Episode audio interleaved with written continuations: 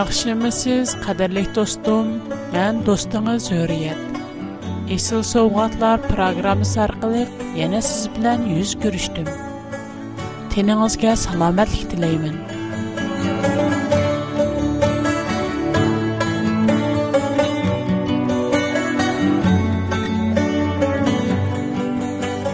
Dostum, navada siz programmamizni anglagan bo'lsangiz, do'stingiz, urug' qilingan va tinglishlaringizni programmamizni birga anglashga taklif qilishingizni umid qilaman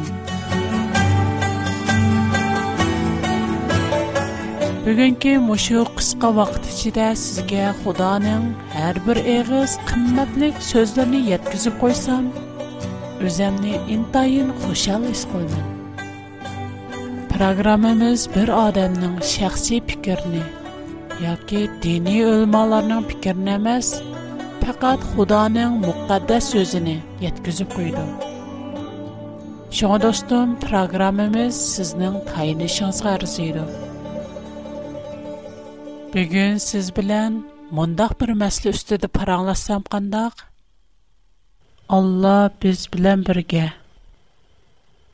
Qadirlik dostlarım, siz burun intayin müşkül bir işqa düz kilip baqqan mu? Məslən, xudağı bulğan itiqadınız səbəblik başqalar tərəfədən kəmsitilgən. İtiqadınız səbəbidən xizmətkə erişəlməgən, ya ki xizmətinizdən quruq qalğan. Hətta bəzirə bir yaxşı işləvatqan xizmətinizdən quruq qalib, aç рухи, жисмани ва маниви жааттин зор бисимгу чырган вақтларыңыз болғаму. Агар сіз итқат йолыда нұрғылыған қиынчылықларға дүшкілген әні шындақ бір кіші болсыңыз, қадірлік достым, әйне жағда сіз бұл қиынчылықларға қандақ тақабыл тұрдыңыз.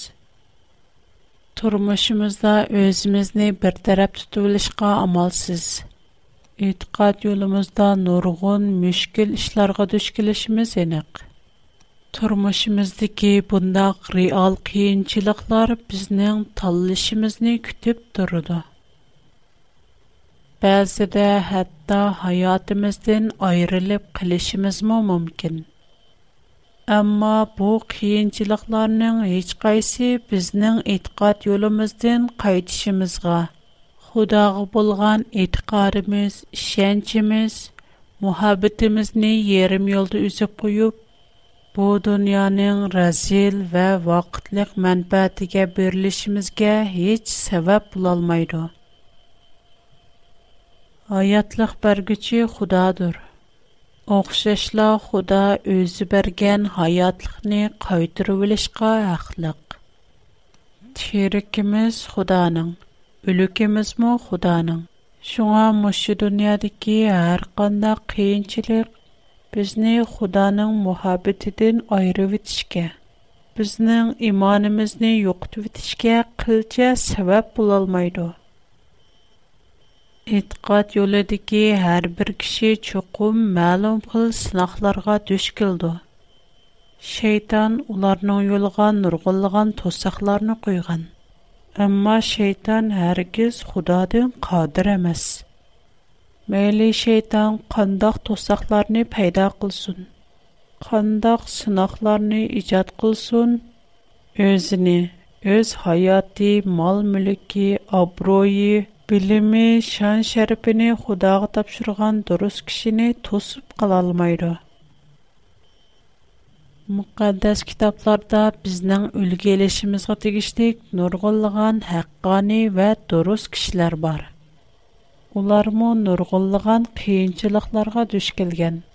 Шу өткеларни бір-бірлі бүсіп өткен. Қадарлик, достум, наварисіз, азыр, дэл шындах мәслиге, шындах хиинчылыққа юлғам болсыңыз?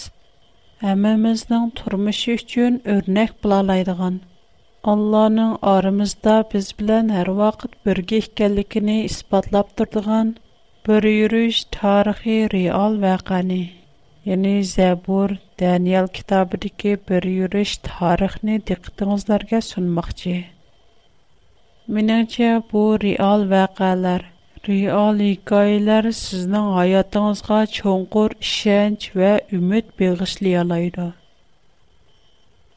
زەبۇردىكى دەنىيەل كىتابى ئىنتايىن قىزىقارلىق بولۇپلا قالماي يەنە ئۇنىڭدا كۆپلىگەن بېشارەتلەر بار بۇ كىتاب كونەھتە يەنى تەۋرات ۋە زەبۇرلاردا ئىنتايىن مۇھىم بولۇپلا قالماستىن Бәлки, яңахты булган Инҗилдәмө интайин мөһим орынны игәлләйди.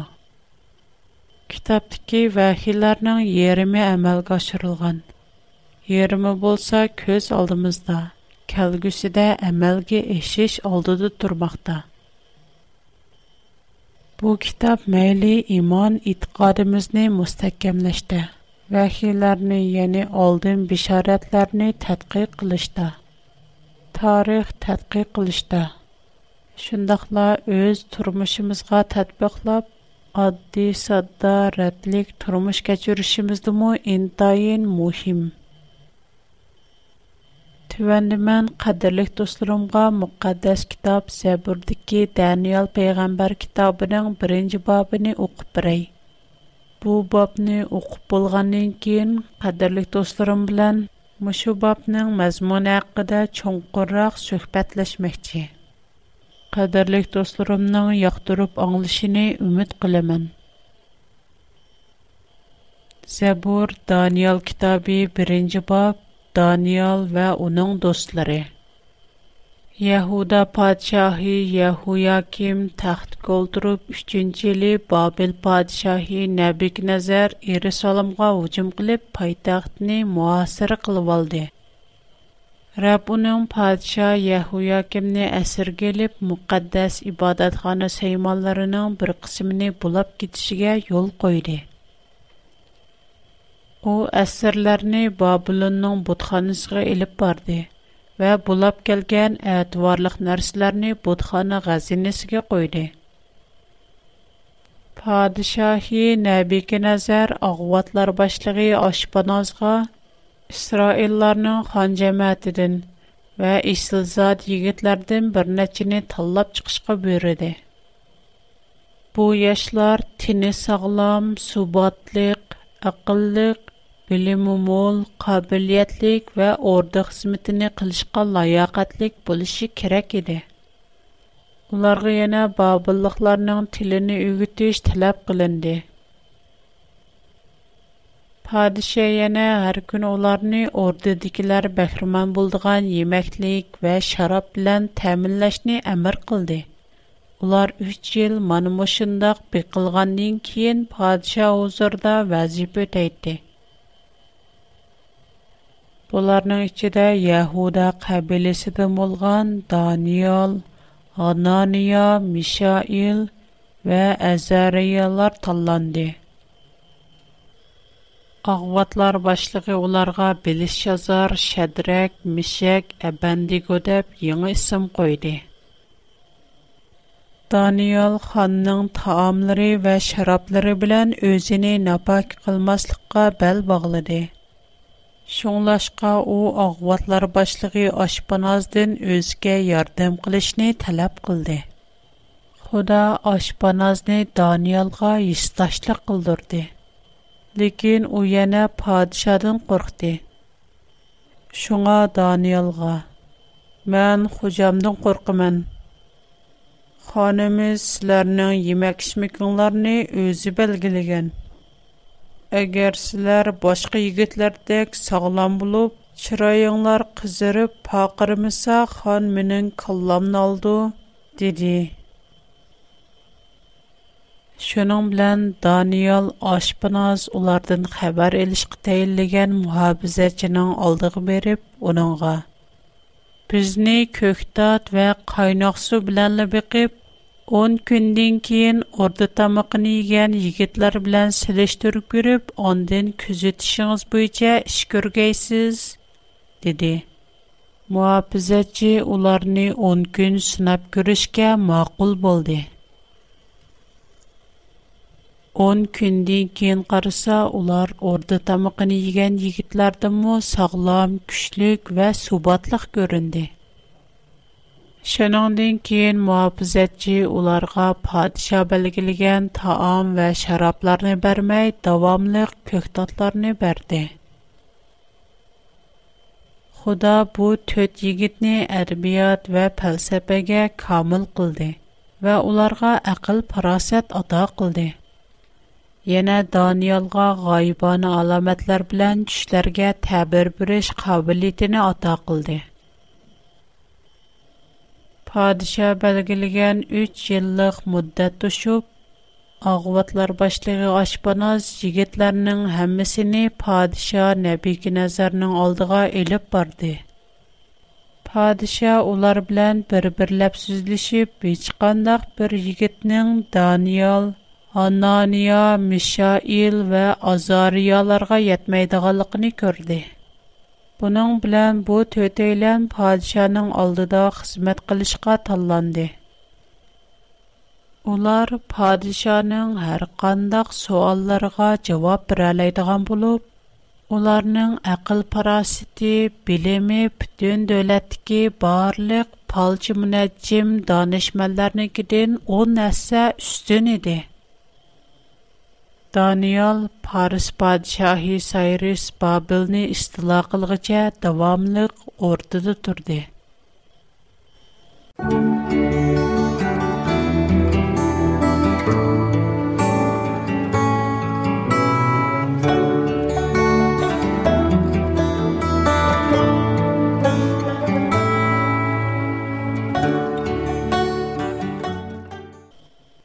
Qadirli do'stlarim, Yuqorida men Daniel kitobi 1-bobni o'qib o'tdim. Yuqorqilarni anglab qandoq hissiyotda bo'lyapsiz?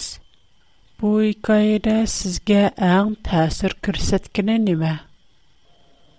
Әмді bu bobning qisqacha mazmunini tahlil qilib ko'rsak, Daniel payg'ambar әйні чағда әсір. Uning davlati Исраилия xudodan yuz o'rib, Бабылин тарапидин вейран қынынған. Исраилдики нупузлук, билимник, бай, исылзаде ва кахилар булса Бабылинға асир қилип-илип кетилген. Мышындах бір асирлик аятыда Даниэл пейгамбар өзінің аятыга хавип-илип келдіған чоң бір сынақы дүш келген.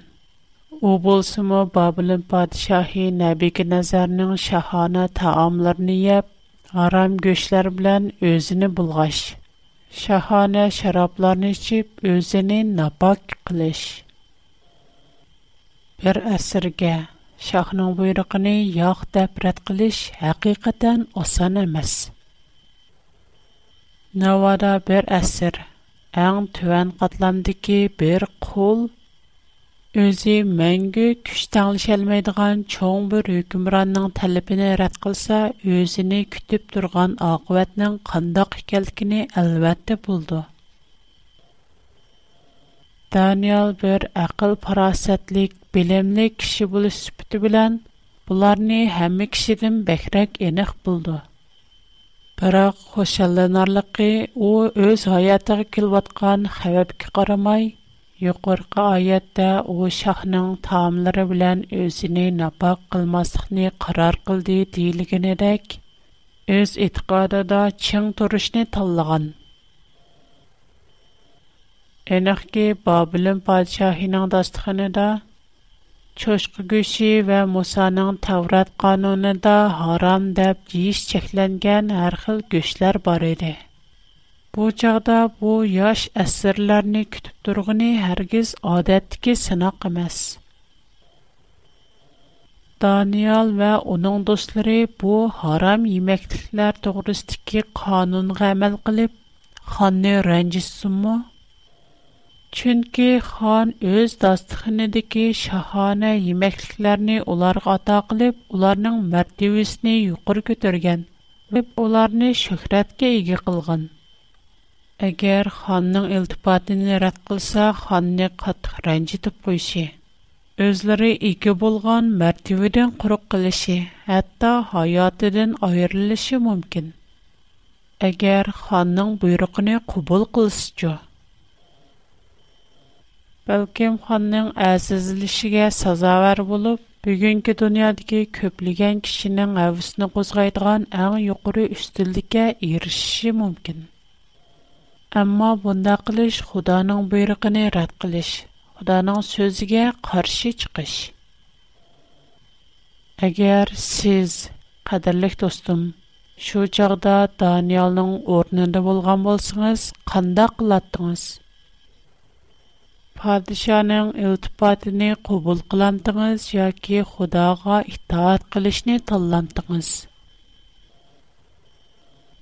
Әйні чағда Даниял тіхи яш бір егіт. О пейғамбар әмәс еді. О біз көпчілікіміз ғоқшаш адди вә көп іш көрмеген бір яш сүпті болыш білән, мұшындақ чоң қиынчылық алдыда көплеген кішілер ғоқшаш бұшаңлық қылып, икленіп олтырмыды. Даниял пейғамбарның хикаясыны біз бүгінгі өз тұрмышымызға тәтбіқлап бақайлы. بەلكىم بۈگۈنكى كۈندىكى كۆپلىگەن كىشىلەرنىڭ نەزىرىدە دانىيال پەيغەمبەرنىڭ ئۆز پاكلىقىنى ساقلاشتىكى بۇ جەسۇرلۇقى ئەخمەقلىق بىلىنىشى مۇمكىن ھەم خېلى كۆپ بىر قىسىم كىشىلەر بار ko'z oldidagi kichkina manfaatni deb o'z e'tiqodidan o'z maydonidan voz kechadi Навада Даниэл пайгамбарга оқшаш юқори мәртебеге эришиш фурсат кеп қалса, бу фурсатни қолға келтириш үчүн ҳар қандай бадал төлөштен, ҳақиқаттан чатнап, натоғра разил йол тутуштен. Шундайла өз майданыны кичик гына манфаатка тигишип өтүштен. Бу дүйнөнүн азгына пайдасы үчүн өз вижданыны сетип өтүштен. qurban qilishdan yonmaydi ammo ular intilgan bu dunyodagi ashu huquq manfaat amal oxir bir kun tugaydi ba'zilar o'ziga bahona izlab biz boshqa yomon ish qilmadik faqat hayotimiz amlimiz xizmat uchun cheklangan ba'zi ishlarni qildik xolos tovba qilsaqla bo'ldi دیده. خدا نان تلپ دن بهمو چت نبکت کلی کنه این خ بلب دروب از کس قرش نه oldu. ناخ نه پرق ادش نن اولچی مقل ولد. اونارنن پیکرنن اساسی من معا پایدسی بار میوک.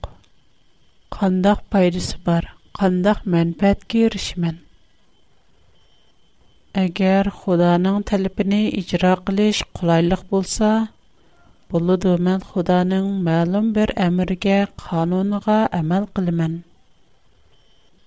Eger Hudaňyň talabyny orunlaşmak üçin bedel tölemek, qurbanlyk birişgä tögür kelse, men onuň bu kanunydan ägip-bütip, ony rat edim. Özüm üçin tehim we gowy bir bahana sebäp dep Мана бу бүгүнкү көп кишилердин психикси. Бундай кишилер ахнахны айрыш өлчүмүн төвөлөтүп, өзлөрүнүн яман үлгүсү менен башкаларны Худанын мукаддас пак канунуга сал карашка эзик турду. Бу не яман. Дүнья хаман ахырлашыды. Дөнья şan şан шәхрәт мәнсеп оброylar түгәйдо. Адам мо үз виҗданене бәдәл кылып тапкан ашу азыгыны байлыкларны 2 км гөрлегегә алып кирип китә алмыйру. Байлык чирип түгәйдо. Дөньяның ئەمما бер چەكسىزلىك بولۇپ، у بولسىمۇ مەڭگۈ бар بولغۇچى، مەڭگۈ ھايات خۇدا ۋە у ئۆزىنىڭ ئېتىقادچىلىرىغا ئىنئام قىلغان مەڭگۈلۈك ھايات. مۇقەددەس كىتاب Инжил پېتروس يازغان بىرىنچى خەت ئىككىنچى باب ئون بىرىنچى بابتا مۇنداق دېيىلگەن. өтүнүп сорайманки, Худага буйсунуш арзуюңлар белән сит булган һәр хил яман һәвәсләргә берилмәңләр. Әгәр Даниил пәйгамбәр Худаның ирадәсенә зит алда яман арзу һәвәскә берилеп, нәфси хаишыга әгәшкән булса, өзенеме, итқадыныме, вижданыныме булгыган булатты.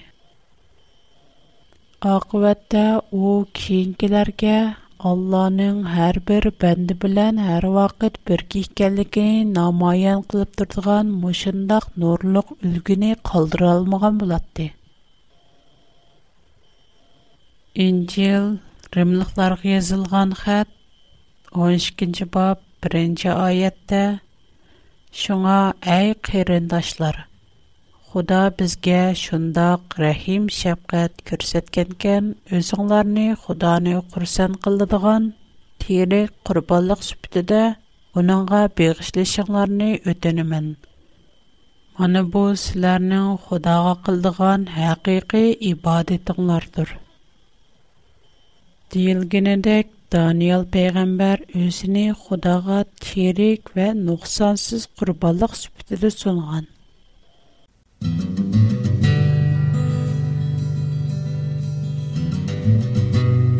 Qadirlik dostum, menda bu günki programadan başqa yana, Xuda, Mängölik aya, Cənnət tuzaq, bölüm, etiqad, peyğəmbər qatarlıq köp proqrama var.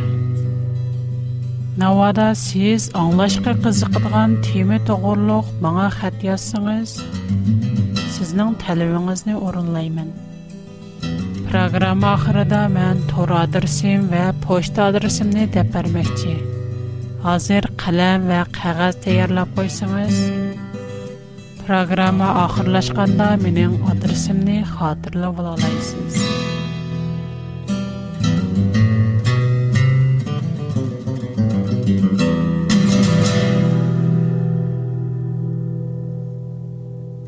Gerçi Daniel peyğəmbərinin tamaqda özünü tizginləşi bizə kiçikkənə bir iştək bilinsinmi?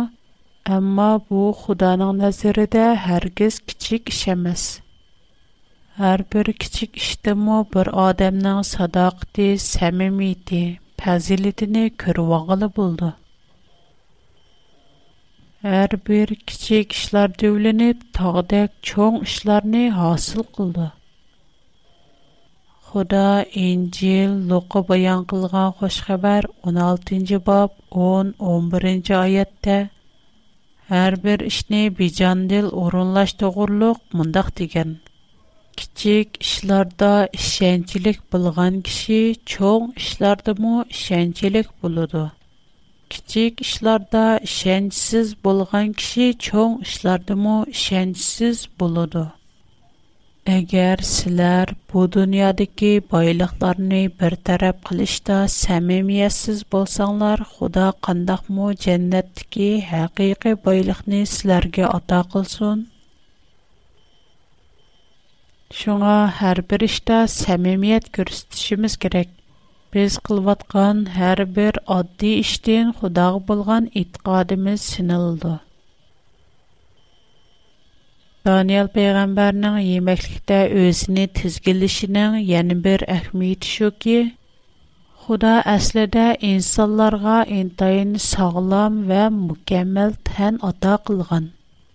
Адам ати билан хава ана иран бағды кикағларда худа оларға әрхил, зраэт ва миювиларни узуқлы қылып арген. Бу сөзләрне Тәврат аламның яртылышы 1-нче баб 29-нче аяттан тапалаймыз. Демәк, Худа инсанларга иң яхшы саламатлыкны ата кылган һәм иң яхшы сәхия канунын бергән. Шу чагларда инсанларның өмри хәзерге кешеләрнең өмриден нәчә 10 әсә узын булып калмай, Yana ahli iqtidori bo'y bastimu hozirgidan necha hissa yuqori edi. Bugünkidek kishilarning tinining zaif, aqlining kamtik bo'lishini insonlar o'zi keltirib chiqargan. İnsanlar nəfsi xahişə birləş, nəfsi arzu həvəsini tizginləməslik bilən özdə bar bolğan salamətliyini yoxutub qalmay, парасатны мо юқтып қойған. Даниэл пайғамбарның хикаясы мо бізге дәл шуны көрсетіп тұрды. Муафизатчы, баш ағват вә башқаларның нәзірі де әр күні көшлік, есіл тағамларны еп, шарапларны ішіш, бәдәннің етілішке вә әқылның тарақи Bu dәл бүгенге көплегән кешеләрнең көз карашы. Ular go'shtlik taomlar va har xil kuchlik taomlar bilan badanni mustahkamligili bo'ldi deb qaraydi. Оның әксіче, мұшындақ кішілер көпірәк кеселлерге гіріптар болды. Мұқаддас китап бүйче Даниял пейғамбар вә оның үш дости go'sht iste'mol qilib isil taomlarni yegan sharoblarni ichgan u yoshlarga qaraganda necha o'n narsa aqlliq subatliq kelishgan va qovul bu bizga nimani tushuntirib turdi muqaddas kitobdan javob izlab boqsaq injil korintiliklarga yozilgan birinchi xat oltinchi bob 19 20 yigirmanchi oyatda تېنىڭلارنىڭ مۇقەددەس روھنىڭ ئىبادەتخانىسى ئىكەنلىكىنى بىلمەمسىلەر خۇدا سىلەرگە ئاتا قىلغان مۇقەددەس روھ قەلبىڭلاردا ياشايدۇ سىلەر ئۆزۈڭلارگە ئەمەس بەلكى خۇداغا مەنسۇپسىلەر چۈنكى ئۇ سىلەرنى ئەيسا مەسىھنىڭ قىممەتلىك قېنى بىلەن ئۆزىگە مەنسۇپ قىلدى Şunun üçün tenanlarını Xudanı uluqlaşqa atdanlar. Demək, məşu ayət bu yəcə biznin tinimiz yalqız bizgili mənsub əməz, bəlkə Xudağı mı mənsub? Xuda biznin qəlbimizdə yaşayırı. Xuda biznin qəlbimizdə yaşıqan ikən, demək, Xuda hər Allah hər günü biz bilən birgə. Fəqət biz öz imanimiz, işəncimizni Allah qurub, hər qandaq işdə onunla tayansaq, onun hər zaman, hər vaqt aramızdakıligini his qıla alaymiz. Xuda bizni yalğız, qarançsız taşlab qoyğun yox. Daniel peyğəmbərinin hekayəsi mə bizə şunu uqturub birdi. Худа һәр бер өзене барлык карарыны өзге тапшырган кишиләргә өз улыгылыгын уларга аян кылды. Худди Даниял ва аның 3 досты акыл, парасат ва башка җәһәтләрдә Худаның зур илтифатыга эришип, yüksek kutuk kazanığın edek. Bugünkü programımız Müşer'de ayaklaştı.